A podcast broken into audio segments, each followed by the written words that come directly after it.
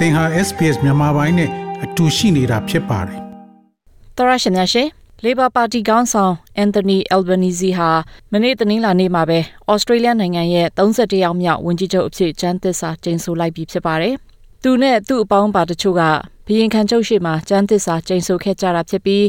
တနင်္လာနေ့မှာဝန်ကြီးချုပ်နဲ့အတူကျမ်းသစ္စာကျိန်ဆိုခဲ့ကြသူတွေကတော့ဒုတိယဝန်ကြီးချုပ် Richard Marles နိုင်ငံခြားရေးဝန်ကြီး Penny Wong ဗန်နာရေးဝန်ကြီး Jim Chalmers နဲ့ဝေရေးကြေးရေးဆိုင်ရာဝန်ကြီး Kathy Galanka တို့ဖြစ်ကြပါတယ်။ကျန်ဝန်ကြီးများတစ်ဖွဲ့လုံးကတော့လာမယ့်ဗုဒ္ဓနေ့မှာပဲကျန်းသစ္စာကျိန်ဆိုကြမှာဖြစ်ပါတယ်။စနေနေ့မှာကျင်းပခဲ့တဲ့ Federal ရွေးကောက်ပွဲမှာ Labor Party ကအနိုင်ရသွားပေမဲ့လည်းအစိုးရဖွဲ့နိုင်လောက်တဲ့အထိအပြတ်အသတ်အနိုင်ရမလားဆိုတာကိုတော့သေချာဂဂနနမသိရသေးပါဘူး။ဒီနေ့မွန်းလွဲပိုင်း2နာရီလောက်အထိ မဲအရေအတွက်83.2ရာခိုင်နှုန်းလောက်ကိုရေတွက်ပြီးကြပြီး Labor Party ကမဲဆန္ဒနယ်84နေရာမှာအနိုင်ရရှိထားပါတယ်86နေရာအနိုင်ရရင်တော့ Labor Party ကလွတ်လွတ်ကျွတ်ကျွပါတီတစ်ခုထဲနဲ့အစိုးရဖွဲ့နိုင်မှာဖြစ်ပါတယ်ဒါပေမဲ့သတ်မှတ်ထားတဲ့လွှတ်တော်နေရာ86မရဘူးဆိုရင်တော့တတိပုတ်ကလတွေဒါမှမဟုတ်ပါတီအငယ်တွေနဲ့အပေးယူလုပ်ပြီးတော့ညွန့်ပေါင်းအစိုးရဖွဲ့ရမှာဖြစ်ပါတယ်ဝန်ကြီးချုပ်အသည့်မစ္စတာအယ်ဘနီဇီနဲ့ သူ့ရဲ့နိုင်ငံခြားရေးဝန်ကြီးဖန်နီဝမ်တို့ဟာကြမ်းကြိမ်ပြီးတာနဲ့အဲ့ဒီနေ့မှာပဲဂျပန်နိုင်ငံကိုသွားရောက်ပြီးပထမဆုံးလေဘာအစိုးရရဲ့နိုင်ငံခြားခရီးစဉ်ကိုစတင်လိုက်ပါတယ်။ဝန်ကြီးချုပ်အန်တိုနီအယ်ဘနီစီဟာဘယ်သူလဲဘယ်လိုနောက်ခံကနေလာတယ်လဲဆိုတာကိုတင်ဆက်ပေးမှာဖြစ်ပါတယ်။ဝန်ကြီးချုပ်အယ်ဘနီစီဟာအီတလီနိုင်ငံသားဖခင်နဲ့ Iris လူမျိုးမိခင်ဖြစ်သူကနေဆန်းသက်လာတာဖြစ်ပါတယ်။ သူ့ဘဝမှာသူ့ဖခင်က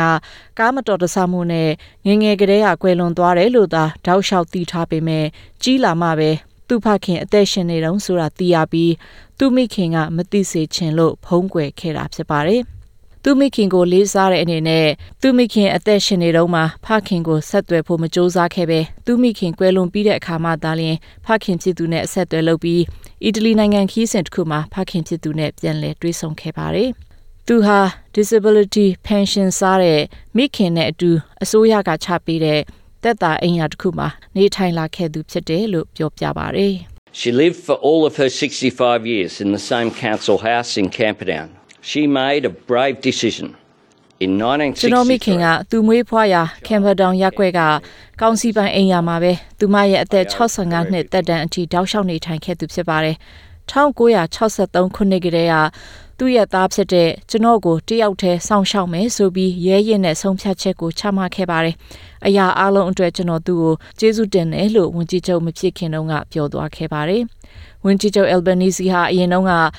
တရားဝင်လက်ထပ်ထားတဲ့ဇနီးရှိပြီးသားတယောက်ထုံးကားပေမဲ့နောက်ပိုင်းမှာအိမ်ထောင်ကွဲသွားပါတယ်။အခုအခါမှာတော့နောက်ထပ်အမျိုးသမီးတူနဲ့ပေါင်းသင်းပေမဲ့တအိမ်နဲ့အတူမနေသလိုတရားဝင်လက်ထပ်ခြင်းလည်းမရှိသေးပါဘူး။လက်ရှိအိမ်ထောင်ဘက်ကသူ့နဲ့အတူအစိုးရအိမ်တော်မှာ လိုက်ပြီးတော့နေထိုင်မလားဆိုတာကိုလည်းလူတွေသိချင်နေကြပါတယ်။ဝန်ကြီးချုပ်အသစ်ဟာလွန်ခဲ့တဲ့26ခုနှစ်ကတည်းကလွှတ်တော်အမတ်တူအနေနဲ့အလုပ်လုပ်သူဖြစ်ပြီးသူဟာဆစ်ဒနီမြို့ရဲ့အနောက်တွင်းပိုင်းက Grainler မဲဆန္ဒနယ်ရဲ့လွှတ်တော်အမတ်ဖြစ်ပါတယ်။1996ခုနှစ်ကစပြီးလွှတ်တော်အမတ်ဖြစ်လာတာဖြစ်ပြီးတော့2019ခုနှစ်ရွေးကောက်ပွဲမှာ Labor Party ဆုံးရှုံးပြီးတဲ့နောက်ပါတီရဲ့ခေါင်းဆောင်ဖြစ်လာတာဖြစ်ပါတယ်ဖြစ်လာခဲ့ပါတယ်။ သူ့ရဲ့နိုင်ငံရေးတဲ့တန်းတစ်လျှောက်မှာအရေးကြီးတဲ့ယာထူးတချို့ရရှိခဲ့ပြီးအဲ့ဒီအထက်မှာဒုဝန်ကြီးချုပ်ယာထူးလည်းပါဝင်ခဲ့ပူပါတယ်။သူဟာအခြေခံဆောက်အုံဆိုင်ရာအလုပ်တည်ယူပို့ဆောင်ရေးနေဒေသဖွံ့ဖြိုးတိုးတက်ရေးဆိုင်ရာယာထူးအပြင်ဒေသနည်းအစိုးရအဖွဲ့ဝင်နဲ့ Internet Broadband ဆက်သွယ်ရေးနဲ့ Digital စီးပွားရေးဆိုင်ရာယာထူးတွေလည်းလုပ်ကင်ခဲ့ဖူးသူဖြစ်ပါတယ်။ရွေးကောက်ပွဲမကျင်းပခင်တုန်းက Albanese ကသူ့မှာ Australia နိုင်ငံအတွက်အစီအစဉ်တွေရှိတယ်လို့ပြောပါတယ်။ I am who I am. I will be getting about uh, being me, uh, putting forward uh, my propositions. I think what people are interested in is who has a plan for ကျွန်တော်ဟာကျွန်တော်ပါပဲကျွန်တော်ရဲ့ငကိုမူလအတိုင်းကျွန်တော်ရဲ့အနေအထားကိုရှေ့တန်းတင်သွားမှာဖြစ်ပြီးဩစတြေးလျနိုင်ငံသားတွေကနိုင်ငံအတွက်အစီအစဉ်ရှိတဲ့လူကိုကြိုက်နှစ်သက်တယ်လို့ထင်ပါတယ်ကျွန်တော်မှာအနာဂတ်အတွက်အစီအစဉ်တွေရှိပါတယ်အလောက်အကင်ပိုတီမြဲရေးအစီအစဉ် Medicare ပုံမတောင့်တင်းခိုင်မာရေးအစီအစဉ်လူနေမှုကုန်ကြအစည်းအတွက်ဖိအားပေးမှုတွေရောကျသွားစေမယ့်အစီအစဉ်တွေဖြစ်တယ်လို့ပြောသွားခဲ့ပါတယ် ဝန်ကြီးချုပ်အဖြစ်ကျန်းသစ္စာကျိန်ဆိုပြီးတဲ့နောက်ဝန်ကြီးချုပ်အယ်ဘနီစီကသတင်းစာရှင်းလင်းပွဲတစ်ခုလည်းပြုလုပ်ခဲ့ပြီးအဲ့ဒီမှာအခုလိုပြောသွားခဲ့ပါတယ်။ We will establish a National Anti-Corruption Commission. I've asked uh, for uh, that work to begin. ကျွန်တော်တို့နိုင်ငံတော်ဆိုင်ရာအဂတိလိုက်စားမှုတိုက်ဖျက်ရေးကော်မရှင်ကိုတည်ထောင်မှာဖြစ်ပြီးအဲ့ဒီကော်မရှင်ဖြစ်လာဖို့အခုကတည်းကစတင်လှုပ်ဆောင်နေပြီဖြစ်ပါတယ်။ဒါအပြင်ဌာနေတိုင်းသားတွေကိုဖွဲ့စည်းပုံအခြေခံဥပဒေထဲမှာထက်သွင်းအတိမပြုနိုင်ရေးအတွက်လှုပ်ဆောင်မှာဖြစ်ပြီးအဲ့ဒီအထဲမှာလွှတ်တော်အတွင်းဌာနေတိုင်းသားတွေကိုကိုစားပြုမဲ့အသံပါလာအောင်လှုပ်ဆောင်သွားမယ်လို့လည်းပြောပါတယ်။ ဝန်ကြီးချုပ်အယ်ဘနီဇီဟာရွေးကောက်ပွဲအတွက်မဲဆွယ်တဲ့ကာလတုန်းကကတိတွေအများကြီးပေးခဲ့တာတွေရှိတဲ့အတွက်ဒါကိုဖြစ်စေဖို့ရှိနေပါတယ်။မဲဆွယ်ကာလတုန်းက Labor Party အနေနဲ့ဌာနေတိုင်းသား Aboriginal နဲ့ Torres Strait ကျွန်းသားတွေအရေးလှုံ့ဆော်သွားမယ်လို့ကတိပေးခဲ့တာရှိပါတယ်။တနင်္လာနေ့မှာကျန်းကျိန်ပြီးတဲ့နောက်သတင်းနောက်တွေနဲ့ဝန်ကြီးချုပ်တို့တွေ့ဆုံတဲ့အခါမှာလွှတ်တော်အတွင်းက Blue Room လို့ခေါ်တဲ့အခန်းထဲမှာဌာနေတိုင်းသားတွေရဲ့အလံကိုထောင်ထားခိုင်းတာကိုတွေ့ခဲ့ရပါတယ်။အရင် Liberal အစိုးရလက်ထက်က Blue Room မှာသတင်းစာရှင်းလင်းပွဲလုပ်တဲ့အခါကျရင် Australia နိုင်ငံတော်အလံတစ်ခုထဲကိုသာနောက်ခံအနေနဲ့ထောင်ထားတာဖြစ်ပေမဲ့ Labor ဥဆောင်တဲ့အစိုးရသစ်လက်ထက်မှာတော့နိုင်ငံတော်အလံအပြင်ဌာနေတိုင်းသားတွေရဲ့အလံနှစ်ခုကိုပါထောင်ထားတာကို တွေ့ခဲ့ရတာဖြစ်ပါတယ်။စီနိတ်မှာဌာနေတိုင်းသား Aboriginal နဲ့ Torres Strait Islander တို့ရဲ့အလံကိုလွှင့်ထူမဲ့အဆိုကို Liberal အစိုးရလက်ထက်တုန်းကစန့်ကျင်မဲတွေပေးခဲ့ကြလို့အထမမြောက်ခဲ့ပါဘူး။အဲ့ဒီတုန်းက29မဲ28မဲနဲ့တီတီကလေးရှုံးနှိပ်ခဲ့လို့အထမမြောက်ခဲ့တာပါ။ဒါပေမဲ့အစိုးရသစ်လက်ထက်မှာတော့အလံနှစ်ခုစလုံးကိုအသုံးပြုလာတာဖြစ်ပါတယ်။ Albanese ဟာရွေးကောက်ပွဲနိုင်တဲ့စနေညမှာပဲဌာနိုင်တိုင်းသားတွေရဲ့အရေးကိုပိုလုပ်ပေးမယ်လို့ပြောခဲ့သလိုယင်ထဲကလာတဲ့ Uluru ထုတ်ပြန်ကြေညာချက် Uluru Statement from the Heart ပါအချက်လက်တွေအမြန်ဆုံးအကောင့်ထဲပေါ်ရေးအတွက်လှုံ့ဆော်မယ်လို့လည်းပြောပါတယ်။ ဌာနေတိုင်းသားတွေအတိမပြုခံရရေးအတွက်ဌာနေတိုင်းသားခေါင်းဆောင်တွေဟာအကြိမ်ကြိမ်တွေ့ဆုံပြီးတော့2019ခုနှစ်မှာယင်ထဲရလာတဲ့ဥလူလူထုတ်ပြန်ကြေညာချက်ကိုထုတ်ပြန်ပြီးသူတို့လိုချင်ဖြစ်ချင်တာတွေကိုဖော်ပြခဲ့ကြတာပါလေဘာအစိုးရရဲ့ပထမသက်တမ်းအတွင်းမှာပဲ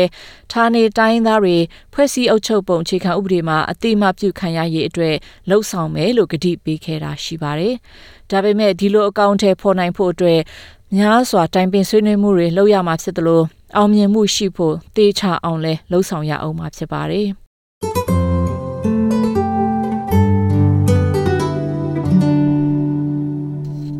ရာသီဥတုပြောင်းလဲရေးနဲ့ပတ်သက်ရင်တော့ဝန်ကြီးချုပ်ဖြစ်လာတဲ့နေ့မှာပဲမစ္စတာအယ်ဘနီဇီကဩစတြေးလျနိုင်ငံကိုပြန်ပြစ်မြဲစွမ်းအင်ထုတ်လုပ်ရမှာအဓိကကျတဲ့စူပါပါဝါနိုင်ငံဖြစ်လာအောင်လုပ်ချင်တယ်လို့ပြောဆိုခဲ့ပါတယ်။လေဘာအစိုးရအနေနဲ့2030ပြည့်နှစ်အထိ ညဉ့်ညမ်းကာဗွန်ဓာတ်ငွေထုတ်လုပ်မှု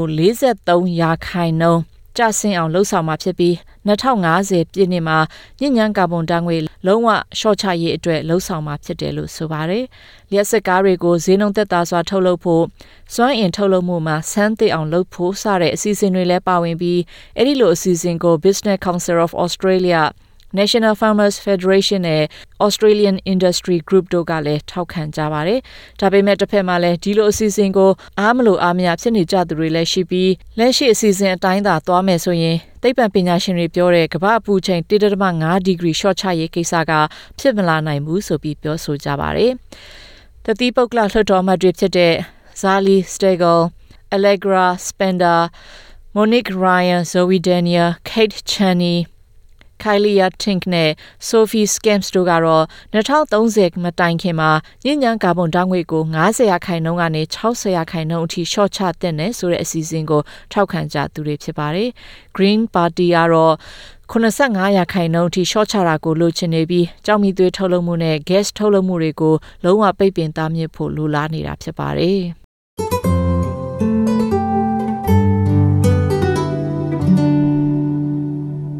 လှုပ်အခါလာစာလေဘာပါတီရဲ့မဲဆွယ်မှုတစ်ခုကတော့တရရိပ်တက်လာနေတဲ့နေထိုင်စရိတ်ကာမိအောင်လှုပ်အခါလာစာတိုးမြင့်မှုရှိဖို့လှုံ့ဆော်ပေးမယ့်အချက်ဖြစ်ပါတယ်။အရင်တစ်ပတ်ကထုတ်ပြန်တဲ့ဩစတြေးလျနိုင်ငံစီးရင်အင်ဌာနရဲ့အချက်လက်တွေအရနှစ်ဆကနေမတ်လအထိလစာက3.8ရာခိုင်နှုန်းသာတက်လာပြီးလွန်ခဲ့တဲ့တစ်နှစ်အတွင်းမှာလစာက2.4ရာခိုင်နှုန်းသာတိုးမြင့်လာတယ်လို့ဖော်ပြထားပါတယ်။ တစ်ချိန်တည်းမှာပဲမတ်လအထိငွေကြေးဖောင်းပွားမှုဟာ9.1ရာခိုင်နှုန်းအောင်ရှိခဲ့ပြီးယူကရိန်းမှာဖြစ်နေတဲ့စစ်နဲ့ကိုဗစ်ကြောင့်ကုန်ထုတ်လုပ်မှုလုပ်ငန်းထိခိုက်နေတဲ့အတွက်ကြောင့်လည်းပါဝင်ပါတယ်။ Labor Party အနေနဲ့လစာတိုးပေးဖို့ကိစ္စကို Fair Work Commission ကိုတင်ပြမှာဖြစ်ပြီးဂျွန်လ9ရက်နေ့နောက်ဆုံးထားပြီးလှုပ်ဆောင်မယ်လို့ကတိပေးထားပါတယ်။ ဝေကြေးဖောင်းပွားမှုနဲ့ကိုက်ညီတဲ့လောက်အခလစာတိုးမြင့်မှုကိုသူ့အနေနဲ့မြင်လို့ပေမဲ့လည်းဒီကိစ္စဟာအလုရှင်တွေစီးပွားရှင်တွေရဲ့သဘောထားအပြင်ကမ္ဘာအနေအထားနဲ့လည်းဆိုင်တဲ့အတွေ့ဒီနေရာမှာဒိုင်လူကြီးဖြစ်နေပြီးဘဲလိုက်မှုမရှိတဲ့ Fair Work Commission ရဲ့အဆုံးအဖြတ်ကိုလိုက်နာခံယူသွားမယ်လို့လည်းဝန်ကြီးချုပ်ကပြောပါတယ်။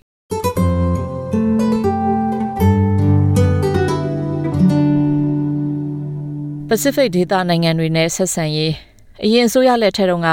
ဩစတြေးလျနဲ့ Pacific နိုင်ငံတွေအကြားဆက်ဆံရေးတွေသိအဆင်မပြေခဲ့ပေမဲ့ Labor Party အနိုင်ရသွားပြီလို့သိရတာနဲ့တနင်္ဂနွေနေ့မှာ Fiji နိုင်ငံဝန်ကြီးချုပ် Pini Marama က Mr. Albanese ရဲ့အောင်နိုင်မှုအပေါ်ဂုဏ်ယူကြောင်းပြောဆိုခဲ့ပြီး Labor Party ရဲ့ရာသီဥတုပြောင်းလဲမှုအပေါ်ထားရှိတဲ့ policy ကိုသဘောကျတယ်လို့ပြောလာတဲ့အတွက် Pacific ဒေသရဲ့ဆက်ဆံရေးမှာမျောလင့်ချက်တွေရှိလာတာဖြစ်ပါတယ်။ ဝန်ကြီးချုပ်ဟောင်းစကော့တမော်ရီဆန်က2030မတိုင်ခင်ညဉ့်ညံကာဗွန်ထုတ်လုပ်မှု26ရာခိုင်နှုန်းကနေ28ရာခိုင်နှုန်းအထိသာ short ချမယ်ဆိုတဲ့ policy ကြောင့်ရာသီဥတုပြောင်းလဲမှုဒဏ်ကိုခံနေရပြီဖြစ်တဲ့ Pacific နိုင်ငံတွေနဲ့ Australia တို့အကြားတင်းမာမှုတွေရှိခဲ့တာကြောင့်အခု Labor policy က43ရာခိုင်နှုန်းအထိ short ချမယ်လို့ပြောဆိုတဲ့အပေါ် Pacific နိုင်ငံတွေကကြိုးဆိုကြတာပါ။ဒါအပြင် Solomon ကျွန်းအစိုးရနဲ့တရုတ်အစိုးရတို့က လုံခြုံရေးဆိုင်ရာသဘောတူညီမှုရယူခဲ့တာနဲ့ပတ်သက်ပြီး Morrison ဦးဆောင်တဲ့အစိုးရဝေဖန်မှုခံခဲ့ရပါတယ်။ Labor Party ကသူတို့လက်ထက်မှာ Pacific နိုင်ငံတွေနဲ့ဆက်ဆံရေးကိုဦးစားပေးမှာဖြစ်ပြီးပုံမိုခိုင်မာအောင်လုပ်မယ်လို့ကတိပေးထားခဲ့ပါတယ်။အဲ့ဒီအထက်မှာ Pacific ကကွယ်ရေးဆိုင်ရာအကြောင်းဖွင့်လှစ်ရေးပါဝင်ပြီး ဝေဟင်ထောက်လန်ရေးပုံမလှုပ်ဆောင်ဖို့ပါဝင်တယ်လို့ Pacific ဒေသကိုပေးတဲ့ကူညီထောက်ပံ့မှုတွေကိုလည်း၄နှစ်အတွင်းနောက်ထပ်ဒေါ်လာ925သန်းတိုးမြင့်မယ်လို့ကတိပြုထားပါတယ်။အမျိုးသမီးရေးရာမစ္စတာအယ်ဘနီစီက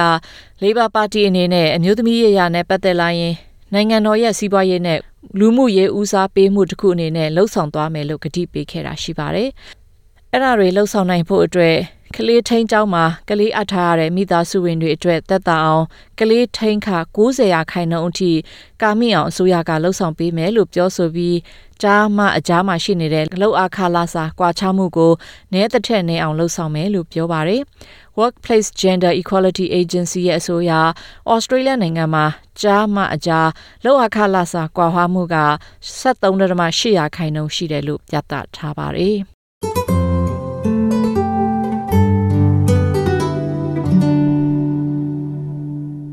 နောက်ထပ် Labor policy တစ်ခုကတော့အိမ်တွင်းအကြမ်းဖက်မှုကြုံတွေ့ရတဲ့လူ10ရက်အထိအလောက်ကနေခွင့်ရရအောင်လှုံ့ဆော်ပေးမှာဖြစ်ပါတယ်။ကြားမှခွဲခြားဆက်ဆံရေးပပျောက်ရေးကော်မရှင်ကနေထုတ်ပြန်တဲ့ Respect at Work အစည်းအဝေးပါအကြံပြုချက်အားလုံးကိုလည်းအကောင့်ထဲပေါ်ဖို့ဂတိပေးဂတိပေးထားပါတယ်။ အလုပ်ရှင်တွေဘက်ကနေလုပ်ငန်းခွင်မှာထိကပါရိကပါပြုလုပ်မှုကိုတိုင်တန်းတဲ့ positive study ဥပဒေကိုချမှတ်ဖို့အရင်အစိုးရကညှင်းဆိုခဲ့ပေမဲ့ Labor Party ကတော့အဲ့ဒါကိုအကောင့်ထဲဖော်နိုင်အောင်လှုံ့ဆော်မယ်လို့ကတိပေးထားပါတယ်။ပထမဦးဆုံးအိမ်ဝယ်မဲ့သူတွေအတွက်အစီအစဉ်စီယံငွေအများကြီးမတက်နိုင်ပေမဲ့ပ ထမဆုံးချိန်အိမ်ဝယ်ခြင်းရင်အစိုးရကနေအိမ်အသစ်အတွက်40ရာခိုင်နှုန်းအထိပေးကူပြီးတော့စောက်ပြီးသားအိမ်အတွက်30ရာခိုင်နှုန်းအထိပေးကူမဲ့အစီအစဉ်ကိုချမှတ်ဖို့ရှိပါတယ်။စီယံငွေကအိမ်ဈေးရဲ့2ရာခိုင်နှုန်းသာရှိဖို့လိုအပ်တာဖြစ်ပြီးအဲ့ဒီအစီအစဉ်မှာပါဝင်ခြင်းရင် အနည်းဆုံးအသက်18နှစ်ရှိရမှာဖြစ်ပြီးတစ်နှစ်ကိုဝင်ငွေဒေါ်လာ9000အောက်ရရှိသူဒါမှမဟုတ်အိမ်ထောင်ဖက်ရှိသူဆိုရင်တော့နှစ်ယောက်ပေါင်းဝင်ငွေ3,000အောက်ရှိသူတွေသာဖြစ်ရမှာဖြစ်ပြီးဝယ်ယူမဲ့အိမ်မှာကိုယ်တိုင်နေထိုင်ရမှာဖြစ်ပါတယ်။အဲ့ဒီအစီအစဉ်ကို help to buy လို့ခေါ်ပြီး သတ်မှတ်ထားတဲ့ဝင်ငွေကနှစ်နှစ်ဆက်တိုက်ပိုများလာတဲ့အခါမှာတော့အစိုးရကနေစိုက်ကူထားတာကိုအရစ်ကြဝင်ငွေအလိုက်နည်းနည်းစီပြန်ပေးရမှာဖြစ်ပြီးလုံးဝအကျွေးဆနိုင်တဲ့အနေအထားမှာဆိုရင်လည်းပြန်ဆရမှာဖြစ်ပါတယ်။အကျွေးမကြေခင်မှာအိမ်ရောက်မယ်ဆိုရင်လည်းအစိုးရစိုက်ထားတဲ့ငွေနဲ့ညင်မြတဲ့အမြတ်တွေကိုပြန်ဆရမှာဖြစ်ပါတယ်။ အဲ့ဒါအပြင် Labor Party ဟာကျမရေးအတွက်ဆေးတွေကိုအိတ်ဆိုင်ဝယ်ယူရမယ်ဆိုရင်တက်တာအောင်လှုံ့ဆော်ပေးမှာဖြစ်သလိုတက်ကြီးစင်တာမှာတူနာပြုတွေ24နာရီ9ရက်ပတ်လုံးရှိနေအောင်ဒေါ်လာ1.5ဘီလီယံယင်းနှမြုပ်နှံမှုလုပ်မယ်လို့လည်းကတိပေးထားပါတယ်။ပညာရေးဆိုင်ရာမှာဆိုရင်လည်း TAFE ပညာရေးအတွက်အခမဲ့နေရာ4500ချပေးမှာဖြစ်ပြီးတက္ကသိုလ်ပညာရေးအတွက်နောက်ထပ်နေရာ2000ချပေးမှာဖြစ်ပါတယ်။လိုအပ်တဲ့ကဏ္ဍမှာအရေးချင်းပြည့်မီသူတွေဖြစ်စည်းနိုင်မဲ့ဘာသာရပ်တွေအတွက်ရည်ရွယ်တာဖြစ်ပါတယ်။အထက်မှာပြောဆိုခဲ့တဲ့အရာတွေကတော့ Labor Party အနေနဲ့မဲဆယ်စည်းရုံးရေးကာလမှာပေးထားတဲ့ကတိတွေဖြစ်ပြီးစတင်အကောင့်ထဲပေါ်ရတော့မယ့်အရာတွေဖြစ်တဲ့အကြောင်းတင်ဆက်လိုက်ပါတယ်ရှင်။ SPS မြန်မာပိုင်းကို Facebook ပေါ်မှာ like ရှာပြီး like မျှဝေမှတ်ချက်ပေးပါ